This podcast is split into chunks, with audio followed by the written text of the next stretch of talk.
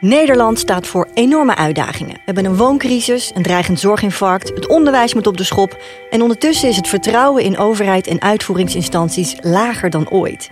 Maar wat als je een probleem moet zien te tackelen dat zo groot is dat het ogenschijnlijk geen oplossing heeft? Een probleem waarbij, als je aan de knoppen gaat draaien, direct 10, 20 ontelbare andere knoppen zichtbaar en onzichtbaar mee gaan draaien. Dat is de kettingreactie. In deze XTR Branded Podcast in samenwerking met CIO, het Centrum voor Organisatie en Veranderkunde, ga ik, Janine Abbring, in gesprek met betrokkenen en experts om te zien hoe zij omgaan met dit soort complexe kwesties. Totaal verschillende invalshoeken en visies, met één gemene deler: niks doen is geen optie. In deze aflevering de wooncrisis.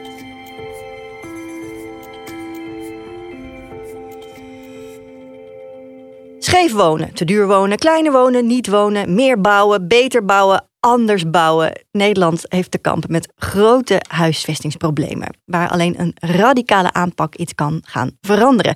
En hoe realistisch is het eigenlijk om in korte tijd uh, 900.000 woningen uit de grond te stampen? Vandaag bij mij aan tafel twee experts op dit gebied. Hester van Buren, sinds een jaar wethouder van Financiën in Amsterdam. En daarvoor jarenlang werkzaam bij verschillende woningcorporaties. Als laatste voorzitter van de Raad van Bestuur van Rochdale. En Frank Bosboom, programmamanager bij CEO voor onder meer het traject Bouwen Regisseren. En hij begeleidt veel processen rondom complexe samenwerkingsvraagstukken. Hester, jij wandelde net deze studio binnen en je zei tegen mij, ja, even voor de goede orde, ik heb, uh, ik heb geen oplossing hoor voor het woonprobleem. En uh, uh, ik moest er direct om lachen, want natuurlijk is het niet onze ambitie om in een podcastje van een half uur dat probleem te tackelen. Was dat maar mogelijk? Want Frank, is er eigenlijk wel een oplossing voor dit probleem? Nee, volgens mij niet. Nee, hè? Dus ik ben het hartstikke eens met, met Hester. Het, wij hebben het hier over complexe vragen.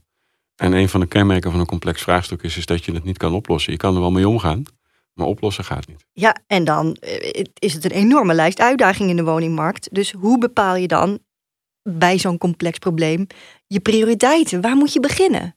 Nou ja, ik zeg altijd het belangrijkste, dat hebben wij net ook gedaan. Eh, dat is elkaar leren kennen. Dus de, de, de, de relatie aangaan met de mensen waarvoor je werkt. En pas op basis van die relatie kan je met problemen aan de gang. En een voorbeeld daarvan is ook, het gaat dus niet alleen om het leren kennen van de professionele mensen, maar ook van de mensen die leven in zo'n wijk. Ja. Wat willen die mensen nou eigenlijk? Wat voor leven hebben ze daar?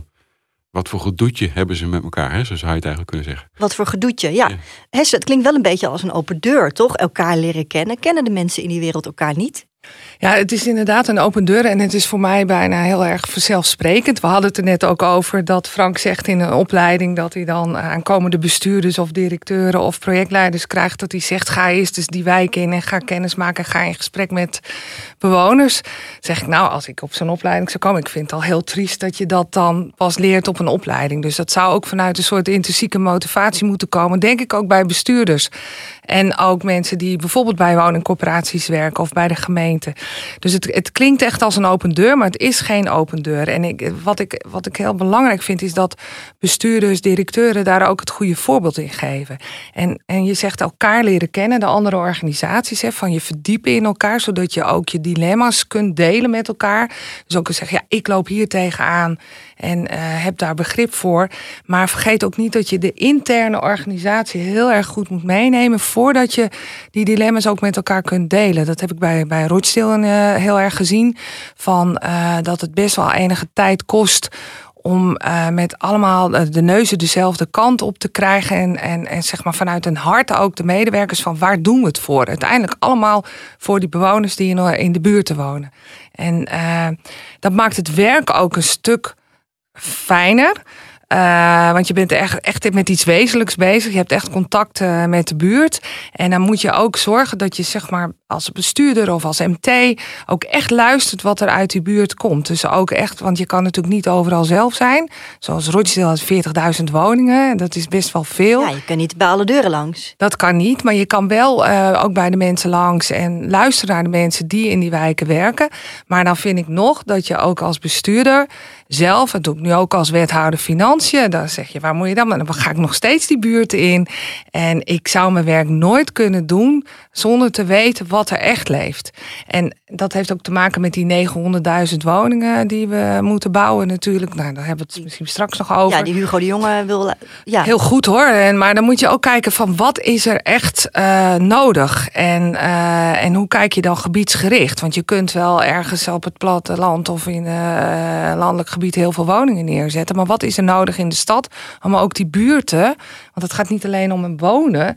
Het gaat om het hele verstevigen van die wijken en buurten en dat goed te houden. Ja, je moet natuurlijk ook de behoeftes in kaart brengen, inderdaad. Ja, want we zijn nu heel erg aan het uitwaaieren. Laten we nog even weer teruggaan naar, naar die complexiteit en, en waar dan te beginnen. Want Frank, jij zegt van ja, je moet elkaar leren kennen. Je, je noemde het woord gedoetje. Ja. Wat ik heel komisch vond, wat bij mij bleef hangen. En gedoetje klinkt nog heel lief, maar het is natuurlijk geen gedoe. Het is enorm gedoe. En hoe zorg je er dan voor dat je niet blijft hangen in dat gedoe? Dat je daardoor niet wordt overspoeld? Ja, een van de eerste dingen die ik altijd vertel in een opleidingsprogramma is dat ik tegen mensen zeg: het gedoe, dat is je werk. dus, dus beter uh, leer er maar van te houden en het te omarmen. En, en niet te denken van eerst moet het gedoe weg en dan kunnen we wat gaan doen.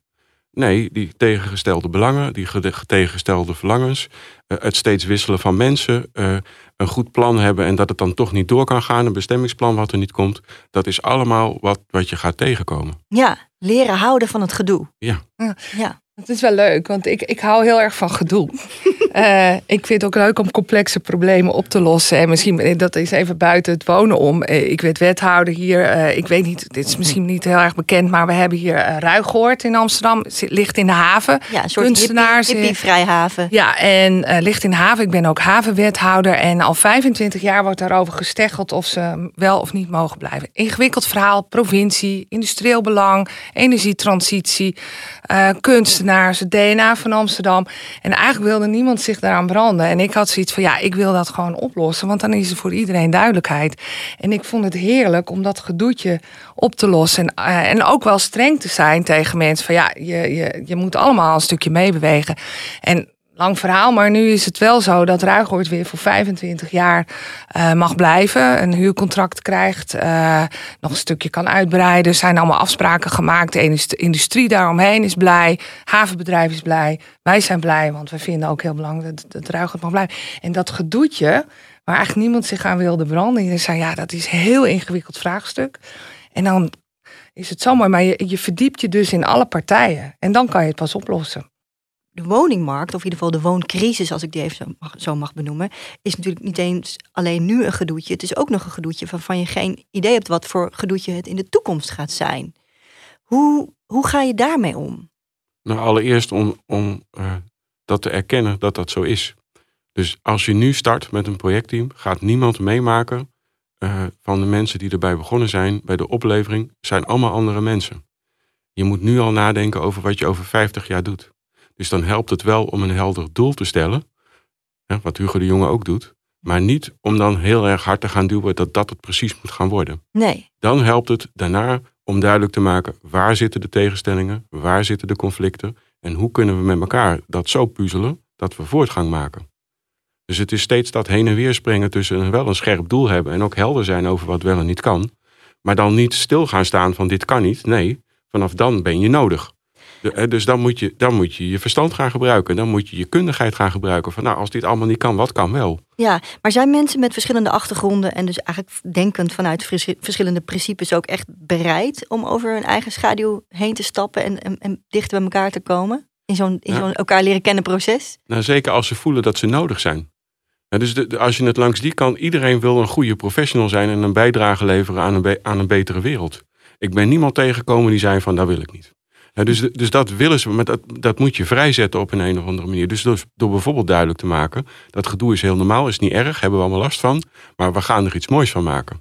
En conflicten horen erbij. Maarten Haaien, dat vind ik heel mooi, die heeft op een gegeven moment het concept geïntroduceerd van je moet conflicten stagen. En dus je moet zichtbaar maken waar het klemt. Want daar kunnen professionals dan hun kundigheid op loslaten om te kijken en hoe gaan we dat dan doen? Wie is Maarten Haaien? Dat is een bekende planoloog. Mm Hij is oud-directeur van het uh, Planbureau voor de Leefomgeving en nu hoogleraar in Utrecht. En die heeft gezegd, je moet het zichtbaar maken. Dus... Een podium geven. Om van daaruit met elkaar uit te zoeken, hoe gaan we dat dan doen? In plaats van heel lang te blijven praten. Dat vind ik mooi wat Hester ook zegt. Je kan beter zeggen van dit kan niet. In plaats van dat iedereen maar voorzichtig is. We moeten geen ruzie krijgen. Laten we dat vooral niet tegen elkaar zeggen. En dan na vijf jaar tot de conclusie komen. Het kan niet. Ja. Dat kan je beter nu weten. En hoe heb jij vrede met het besef, Hester, dat je, eh, zeker als wethouder, nou ja, je kan natuurlijk nog een termijn, et cetera, maar je bent maar tijdelijk eigenlijk. Je moet, jij denkt in, in, in, in vier jaar misschien, terwijl je eh, ja, complexe vraagstukken op je bordje krijgt Ja. waar je die in vier jaar niet gaat oplossen. Hoe ga jij daarmee om? Ja, het is heel mooi dat je dat zegt. Want eh, ik, toen ik nog niet, geen wethouder was, had ik best wel commentaar op de gemeente. Van jullie denken in vier jaar en elk college moet het weer anders. En wij denken in jaren van twintig jaar hè, bij een woningcorporatie. Dus dat was, toen zit ik, vorig jaar, dan zit ik op die plek. Hoe ga ik daar nou mee om? Ik heb wel het geluk dat ik ook wethouder financiën ben. Eh, dus eh, echt wel ook eh, overal mee kan bemoeien. En ook wel goed richting kan geven. Het is een hele fijne positie. En ik heb ook steeds, en dat wil het college ook, zo denk ik, ze, we moeten verder kijken dan vier jaar. Eh, dus we moeten ook, hè, we hebben natuurlijk met eh, begrotingen, voorjaarsnota, ook gezegd, we kunnen ook niet alles. Het is precies hetzelfde. Dus dat doe je dan als wethouder ook.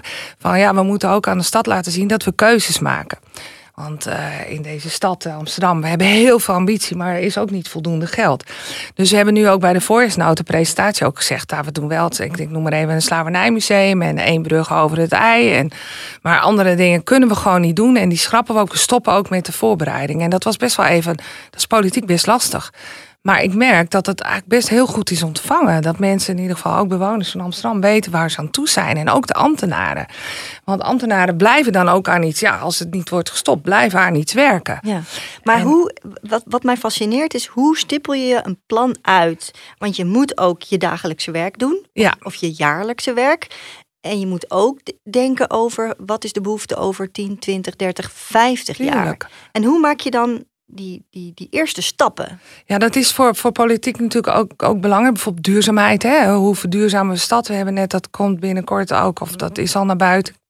Eh, over de, de stad van de toekomst. Daar hebben we ook het heel college ondertekend. Hoe willen we omgaan met hè, de, de CO2-uitstoot helemaal eh, terug te dringen. Dus dan heb je, heb je, moet je dus een hele brede visie hebben. Dus ook op hoe gaat het met vervoer, autoluw in de stad. En daar heb je elkaar ook allemaal voor nodig. En dat zijn geen plannen voor de komende vier jaar. Dat gaat verder. En ik ben dan bezig juist met de begroting. Om te kijken van flexibel in te stellen. Dat niet alles al vast ligt. En ook terug te kijken waar stoppen we mee. Want dat gebeurt ook vaak niet. Dus dat je wel kunt sturen. Want ik zeg ook altijd. eh, wat, jij, eh, wat Frank net ook zei, ook van Hugo de Jonge. eh, je moet altijd kijken naar de omstandigheden. Niemand had een, een coronacrisis voorzien of een, of een oorlog in Oekraïne. Dus daar moet je wel op, op inspelen. Je weet niet wat er gebeurt, dus je moet je niet vastleggen. Eh, en ik hoop ik ook dingen vastleggen. Je kunt niet over je graf heen regeren. maar vier jaar is te kort. Ja. Eh, niet dat ik het zelf, maar dan moet je voor de, zeg maar, het komende college, die moet, ja, je moet er wel voor zorgen dat het wel uitgerold kan worden. En dat doe je dus ook door, als ik je zo mag parafraseren, dingen niet dicht te timmeren. Precies. Wat is de grootste, belangrijkste transformatie waar de, waar de huisvesting nu voor staat? Nou, nu eh, de transformatie. Het probleem is om ze te realiseren, is echt het probleem van eh, de arbeidsmarkt. Dat er echt een heel groot tekort is, stijgende bouwkosten, maar ook arbeidsmarkt. Het is heel, heel moeilijk om ook de aanbesteding te doen, die projecten weg te zetten. Eh, dat is nu op dit moment wel het grootste probleem. Ja. Tenminste, wat wij Ben ervaren. je het daarmee eens, Frank? Ja, en in aanvulling, ik zie tw- twee andere opgaven. Eén, dat is als je niet weet hoe woningen er in de toekomst uit moeten komen zien. Zorg dan dat je ze flexibel bouwt. Flex wonen is er op dit moment heel erg in. Maar dat, dat is een tijdelijke woning die je weer kan verplaatsen. Maar ik zie ook woningcorporaties die, die bijvoorbeeld kijken van... kan ik een bestaande woning niet in, in twee opdelen... zodat er twee alleenstaanden kunnen wonen. Dat, nu kost dat allemaal nog heel veel tijd, energie en geld omdat we de huizen gebouwd hebben voor 50 jaar.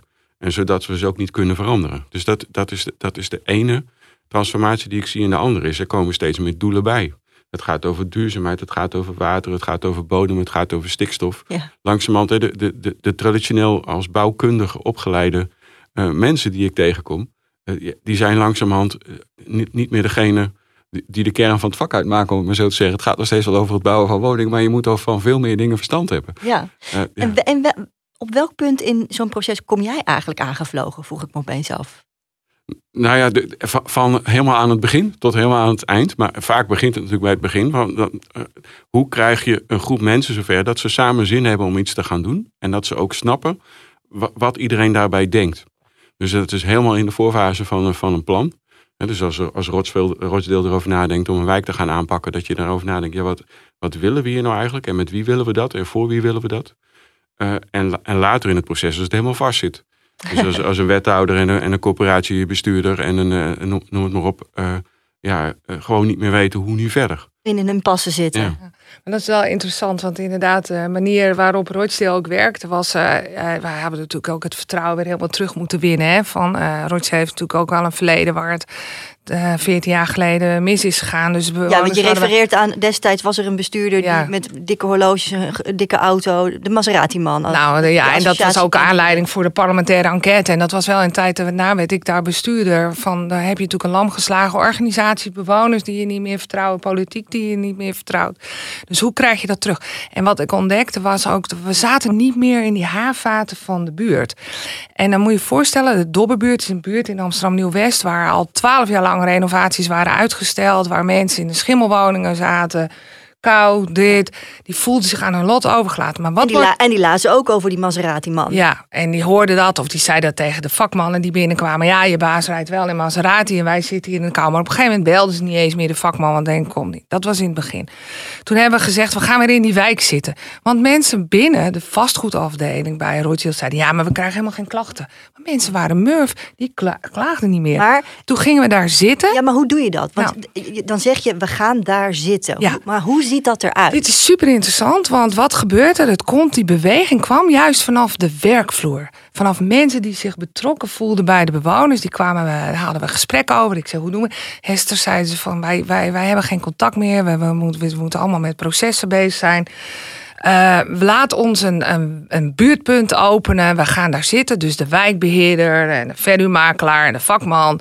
Nou, zei, ga doen. En die hebben dus eigenlijk die beweging gemaakt hoe heel Rothschild is gaan werken. Dus het kwam echt vanuit de organisatie zelf. Dus dat moet je Met een faciliteren. soort buurthuis in die buurt. Ja, gewoon een buurtpunt. En daar zaten de, Ro- staat Rochdale op, vlag van Rochdale, kom binnen. En toen kregen we opeens heel veel klachten. Dacht iedereen, iedereen kreeg het druk. Maar bewoners kwamen binnen. Eh, die gingen buurman zeggen tegen de medewerker van Rochdale. Die ging met hem mee naar binnen om de klachten op te nemen. Het was gewoon weer een dorp. Dus je moet daar weer doorheen. En toen hebben we de gesprekken gevoerd. We gaan die renovatie aan. Dus daar waren we heel diep. Wisten we wat de bewoners wilden. Die wilden eigenlijk Hester. Zeiden ze ook, sloop alsjeblieft die hap hier. Wij willen ook nieuwbouw. Niet renoveren. Nee. Nou, en toen, dat is maar mooi, daar hadden we helemaal met bewoners. En dan komt natuurlijk eh, politiek, of tenminste de gemeente. En daar waren mensen, zei ik toen in de Stopera, die vonden dat het een beschermd stadsgezicht was. En eh, nou, dan, krijg je, dan kom je in die discussie. Dan en dan, moet je daarvoor gaan staan als bestuurder. Ja, voor je gevoel zit je dan vast. Ja, maar dan moet je dus de, als bestuurder, want dat kunnen mensen in die wijk niet, die komen niet inspreken hè, op de Stopera. Eh, terwijl de mondige eh, mensen uit Zuid of wat dan ook, die staan al wel in te spreken. Hartstikke goed, inspraak is goed. Maar wij, ik ben altijd op zoek naar de mensen die dat niet doen. En daardoor heeft nog, dit- en het is niet een kwestie van twee jaar, dit heeft jaren geduurd. Maar zo zag je wel die beweging ook binnen Rochdale. Het komt vanuit mensen. Je zag die, dat team wat daar werkte met zoveel plezier naar hun werk gaan. Terwijl er natuurlijk best wel veel ellende was in die buurt. Maar ze hadden wel het, het gevoel dat ze het verschil konden maken. Ja. Maar dan hebben ze mij nodig als bestuurder om het daar aan de top ook te beslechten. Te regelen, ja. Ja. En wat is dan de rol van CEO op zo'n moment? Nou, de- we doen een aantal dingen. Het ene is, is bijvoorbeeld dat heen en weer springen, zoals jij zo mooi beschrijft, tussen de top en, eh, en, en de uitvoering, om het maar zo te zeggen. Om mensen dat te leren. Want het klinkt heel raar, maar als je een universitaire studie hebt gedaan en je bent bijvoorbeeld beleidsadviseur geworden, dan, dan ben je dat vooral aan het doen. En de eh, mensen dus te leren van dat dat beleid ook echt hele concrete consequenties heeft. En dat dat ook een schoonheid heeft. En dat, dat, we, dat je die verbindingen kan maken met elkaar. Door letterlijk te gaan kijken en die mensen de, de- de vragen te stellen, uit te zoeken, te onderzoeken. Dus dat is eigenlijk wat we heel, heel veel doen. Dat, dat onderzoekende aanzetten. En tegelijkertijd dat agenderende aan, aanzetten. Dus als het vastzit, het niet te laten gaan. Maar erop af te gaan en te kijken, wat kunnen we doen? Ja. En mensen snappen echt wel, hè? Jou- jouw huurders snappen echt wel dat als jij terugkomt van, van de stopera en daar is iets gezegd, hè, er is bepaald beleid en dat heeft goede reden, dan snappen mensen echt wel van dat ze een jaar moeten wachten. Dat begrijpen ze wel. Maar ze willen het gevoel hebben dat, dat er urgentiebesef is, dat je ervoor ze staat. Daar gaat het eigenlijk om. En dat, dat wil iedere professional. Maar, maar snappen van, van, van hoe anderen naar jouw perspectief kijken en ook hoe anderen er anders in kunnen staan.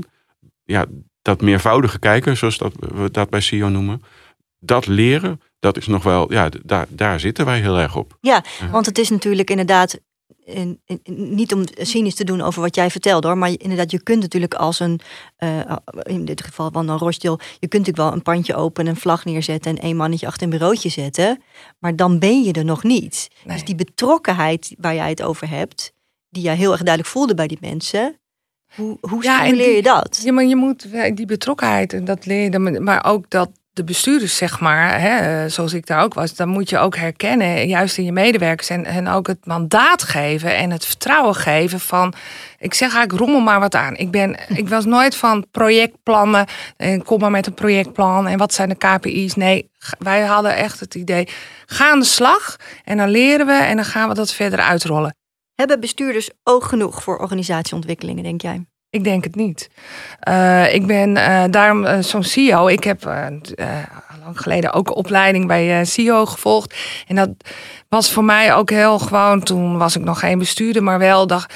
Weet je, dat, dat je dit soort gesprekken hebt. En dat je denkt, dat zit natuurlijk wel in je, maar dat je het beter kunt gebruiken. Dat heeft me echt wel geholpen. wat is je het meest bijgebleven dan van die opleiding? Nou, dat ik dacht dat ik geen bestuurder wilde worden. Omdat ik vond, uh, ik wilde niet voorzitter van de raad van bestuur worden. Al helemaal geen wethouder of zo. Want ik dacht, ik wil met de voeten in de klei blijven staan. En wat me toen is bijgebleven heel erg, dat ik dacht, ik wil wel bestuurder worden. Want ik wil het anders doen. Um, en ik kan, als ik aan het roer zit, kan ik ook wel ietsje veranderen.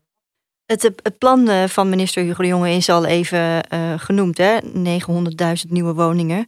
Uh, ik geloof voor 2030, wat is precies het plan? Zo. Ja, dat is het plan. Ja. ja. Hoe realistisch is dit plan? Nou, als de vraag is, gaan we die 900.000 woningen gebouwd hebben in 2030, is het hele platte antwoord nee. Hmm. En eigenlijk weet iedereen dat ook wel. En maar de vraag is denk ik veel meer van, hoe ga je met zo'n doel om? Um, want het is wel goed om duidelijk te maken dat hier een urgent probleem is. Iedereen, ik bedoel, mijn kinderen zijn 18 en 21. Ik maak mij zorgen of die straks een woning hebben.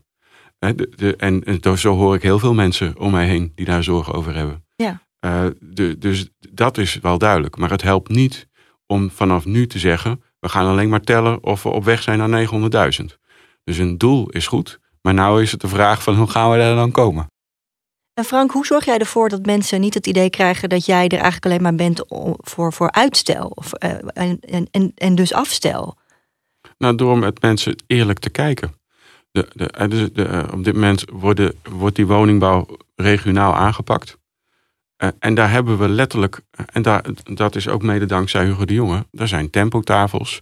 Dus er zijn van allerlei initiatieven. En om daar wat, zijn, wat zijn tempotafels? Nou, daar zitten mensen van verschillende uh, organisaties, zowel overheid als, als uh, van private partijen bij elkaar, om het gesprek te voeren van lukt dat nou wat we bedacht hebben? En als het niet lukt, waarom lukt het niet? Nee. En de, de, daar kunnen uh, mensen zoals ik een bijdrage leveren om te helpen om dat gesprek zo eerlijk en open mogelijk te voeren. En niet bang te zijn, elkaar uit, uit te spreken waar het op vast zit bijvoorbeeld ook helder te zijn over waar de risico's voor iedereen zitten. Zodat je weet van elkaar waar het misschien over vijf jaar op vastloopt, zodat je er nu iets aan kan doen. Ja, want Hester, hebben jullie ook zo'n tempotafel in Amsterdam? Want jullie moeten natuurlijk op gemeenteniveau die ambities van Den Haag gaan uitvoeren. Er zijn natuurlijk allemaal van die actieteams en dingen. Nee, wat we ook willen, dat, dat heb ik in het verleden ook gedaan in Purmerend bijvoorbeeld. Gewoon open boeken, eh, zeg maar. Gewoon open boek. Ook met de, de, de private partijen, omdat je daar een grote ontwikkeling wil doen. Wat bedoel je met open boek? Nou, gewoon open zijn over je investeringskosten en waar je tegenaan loopt. En dan, dan moeten de private partijen dat ook doen en de wethouder zat er ook bij. En kijken, waar loop je dan tegenaan? tegen vergunningen of wat dan ook. En als je op die manier uh, samenwerkt, dat zijn we nu ook aan het doen in Amsterdam, dat, dat werkt gewoon. Dus niet, niet uh, de kaart voor je borst houden en niet uh, vertellen van, ja, als je nou minder rendement hebt of wat dan ook. Nu is het ook wel eens dat private partijen niet uitkomen met, omdat ze ook sociale huur moeten realiseren. Uh, dan wordt daar wel over gesproken. Kan het over worden genomen door een corporatie? Of kunnen we het elders compenseren? Het is zo snel mogelijk ook je problemen op tafel leggen. Maar dan nog wordt het moeilijk om die 900.000 woningen te realiseren, denk ik. Ja, en onderschat niet hoe vaak ik hoor van mensen die ik dan coach of begeleid, dat ze, dat ze oprecht verbaasd zijn van kan ik dat gewoon zeggen? Ja. Oh, ja, ja? je kan gewoon zeggen dat, dat dit voor jou niet uit kan. Dat kan je gewoon eerlijk over zijn. Dat helpt namelijk. En hetzelfde geldt dus dat, dat een ambtenaar kan zeggen: luister, mijn wethouder wil dit gewoon niet. Dat is alleen maar fijn om dat te weten. Want dan kan je samen kijken wat dan wel helpt. In plaats van dat je eromheen kletst. Ja, Ja, ik, ik heb wel eens, dat was toen, eh, het voorbeeld van de Dobbebuurt, heb ik een keer een presentatie gegeven dat wij in, in, in die boutique etagewoningen, dat was toen al, dat we 180.000 euro onrendabel per woning moesten investeren, omdat ook van het gas af moesten. En die woningen werden alleen maar kleiner, omdat je dat ook. En, de gezinnen die daar wonen. Dus het was gewoon ook, ik zei dat is ook maatschappelijk geld, wat je op die manier ook laat wegvloeien. En toen, toen werden de ogen wel geopend. Denk, oh, is dat het? Het is niet alleen omdat wij dat geld niet willen uitgeven, maar eh, kun je dat dan niet beter in de nieuwbouw investeren, dat het eh, helemaal eh, energie-neutraal is en de mensen voor dezelfde huur gewoon een, weer een goede woning hebben. En dat soort. Kijk, en je moet ook niet in je eigen groef blijven zitten. Dus het is soms ook wel lastig hè, met mensen met een bepaalde overtuiging. Eh, ik denk altijd, ja, je kan een bepaalde overtuiging hebben, maar je moet je ook, eh, soms moet je de overtuiging even naast je neerleggen en kijken wat op dat moment beter is. Ja, mensen uit hun groef halen. Misschien is dat wel jouw beste taakomschrijving, Frank. Ja, En hoe doe je dat? Nou ja, door, door eh, het, het te agenderen, te zeggen wat je ziet. En mensen te, ook te, te helpen zelf te articuleren wat ze zien. Dus de- het, het begint, het, het klinkt ook weer als een open deur. Maar het begint met de waarneming. Niet over opvattingen, beelden, meningen. Die hebben we genoeg. Maar laten we nou eens samen kijken. En dan, en dan zie je eh, in een wijk, in een straat, wat, wat de, de issues zijn. En dat helpt ontzettend als je dat samen kan zien. Want dan, dan gaat niemand zeggen van, daar wil ik niet aan bijdragen. Maar bij abstracte verhalen hè, Ja. en opvattingen, dan kan je blijven discussiëren. Dan komt de dialoog niet op gang. Nou, dat zien we landelijk, dat zien we, dat zien we op heel veel plekken.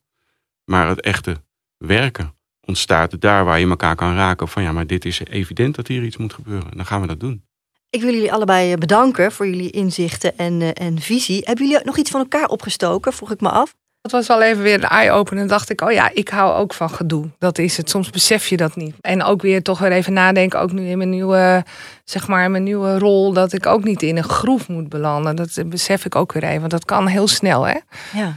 Dat je toch eh, in een bepaalde setting zit. Dus dat moeten we daar ook. eh, Nee, ik vind het mooi de, de, de, wat Hester vertelt over dat, dat het letterlijk zo werkt dat als je eerst een coöperatiedirecteur bent en daarna een wethouder, dat echt diep inzinkt van, ja, aan de andere kant ziet het er echt anders uit. Eh, en dat je daar dan ook open en eerlijk over kan zijn van, ja, natuurlijk Ja. is dat zo. Ja. Dat is ook wel interessant hoor. Dat is van beide kanten nu te zien. Ja, Nou, je lacht er ook bij. ja ik vind het ook nog leuk ook. Dus. En dan is het nu tijd voor de column van Jesse Segers, rector van CEO, die zijn licht schijnt op de huidige complexiteit rondom woningbouw. Vraag aan een kind van 8 jaar om een huis te tekenen en je krijgt een eenvoudige, planbare constructie. Het klassieke vierkantje met een driehoek erop, stoelen en tafels, alsof je door de muren heen kunt kijken. Het is de kinderlijke eenvoud waarmee we traditiegetrouw in Nederland onze woningbouw plannen. Maar vandaag de dag vereist het bouwen van huizen een volwassen aanpak, een complexe benadering van gebiedsontwikkeling. Woningbouw is dus geen stabiel, zeker en maakbaar proces, zoals een kinderlijke tekening. Het is eerder volatiel, onzeker en beperkt maakbaar. Het is geen gestroomlijnde en voorspelbare reeks handelingen. Het is eerder permanent gedoe. Een proces waarin verschillende elementen uit verschillende departementen en instanties aan elkaar worden gekoppeld. BZK, VMW, LMV, EZ, Minfin, SZW, VWS, gemeenten, woningcorporaties, aannemers en projectontwikkelaars komen allemaal samen in publiek-private samenwerkingsverbanden. Samen vormen ze een ecosysteem voor wonen. Het bouwen van huizen is vandaag een complex proces van permanent kliederen op verschillende terreinen tegelijkertijd op een canvas van de gewenste ethische lange lijnen in de maatschappij. Waarbij het meer passend is om stap voor stap en in samenwerking te ontdekken hoe mensen daadwerkelijk wonen en regio's gebruiken. We leggen in de toekomst dus beter een paar paden aan en observeren hoe mensen daadwerkelijk lopen, op zoek naar de olifantenpaadjes. Pas dan bestraten we definitief de paden. De fysieke en sociale dimensie worden stapsgewijs bij elkaar gebracht. En we nemen beter kleine financiële maatregelen op vlak van belastingen, leennormen, pensioenfondsen, financiering, etc. om te onderzoeken welke prikkels echt blijken te werken. De rationeel-economische en irrationeel-psychologische dimensie worden ook hier dan weer stapgewijs bij elkaar gebracht. En bij de bouw van de huizen zelf is het niet meer streven naar gestandaardiseerde woningen of volledig maatwerk, maar moeten we eveneens een flexibelere benadering hanteren. We moeten leren van de gebruikers en ons aanpassen aan hun behoeften en veranderende omstandigheden. Het bouwen van huizen is geen statisch proces, maar een dynamische interactie tussen mensen en hun omgeving. Deze kleine stapjes voorkomen dat we als systemen pendelen tussen extremen, waarbij we voortdurend paden, huizen, gebouwen en subsidieringen opbouwen en weer afbreken. Paradoxaal genoeg geven deze kleine stapjes ons juist meer ruimte. Om deze volwassen aanpak te realiseren, moeten we afstappen van starre regelgeving en bureaucratische structuren. We moeten ruimte creëren voor experimenten en innovatie, waarin risico's worden omarmd en fouten worden gezien als leermomenten. Het bouwen van huizen is een cruciaal maatschappelijke taak die vraagt om een volwassen benadering. Het is geen kinderlijk eenvoudige tekening van een huis, maar eerder een complex samenspel van divers belanghebbende en variabele omstandigheden. Laten we de eenvoud van het kind bewaren in onze verbeelding, maar in de praktijk streven naar een aanpak die ruimte biedt voor flexibiliteit, aanpassing en voortdurende verbetering.